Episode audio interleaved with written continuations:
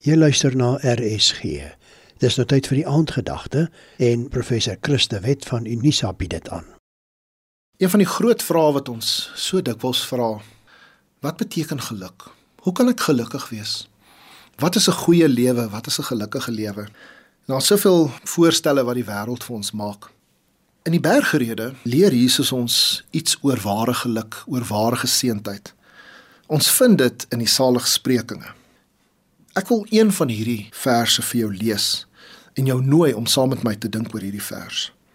Dit is Matteus 5 vers 9. Dit lees as volg: Geseend is die vredemakers, want hulle sal kinders van God genoem word. Die idee van kind van God is so 'n sentrale tema in die Bybel en daar's soveel metafore wat hierdie verhoudingsdimensie met God vir ons uitbeeld. Die Johannes Evangelie skrywer praat van wedergeboorte. Ons word kinders van God wanneer ons gebore is uit God. Ons lees hier dieselfde gedagte veral in die eerste brief van Johannes. Paulus aan die ander kant neem 'n ander metafoor. Hy praat van aanneming.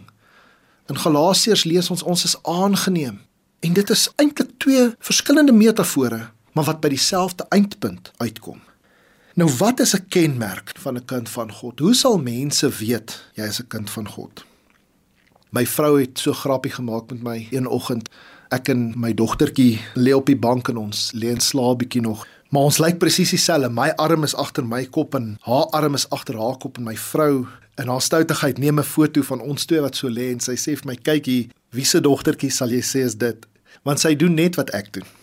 En is dit nie waar dat ons kinders doen wat ons doen? As jy 'n kind van God is, dan moet jy doen wat God doen. Hierso sê Jesus, geseënd is die vredemakers, want hulle sal kinders van God genoem word. 'n Kind van God is iemand wat vrede maak. Dis nie iemand wat net wil vernietig en beklei. Jy moet die waardes van die Vader in jou lyf dra. Wat sal die teenoorgestelde van hierdie vers wees as jy moet dink? As Jesus sê, geseënd is die vredemakers, want hulle sal kinders van God wees. Wat is die teenoorgestelde? Luister hierna. Dit is jammer as jy net risie en bekleierery en oorlog wil maak.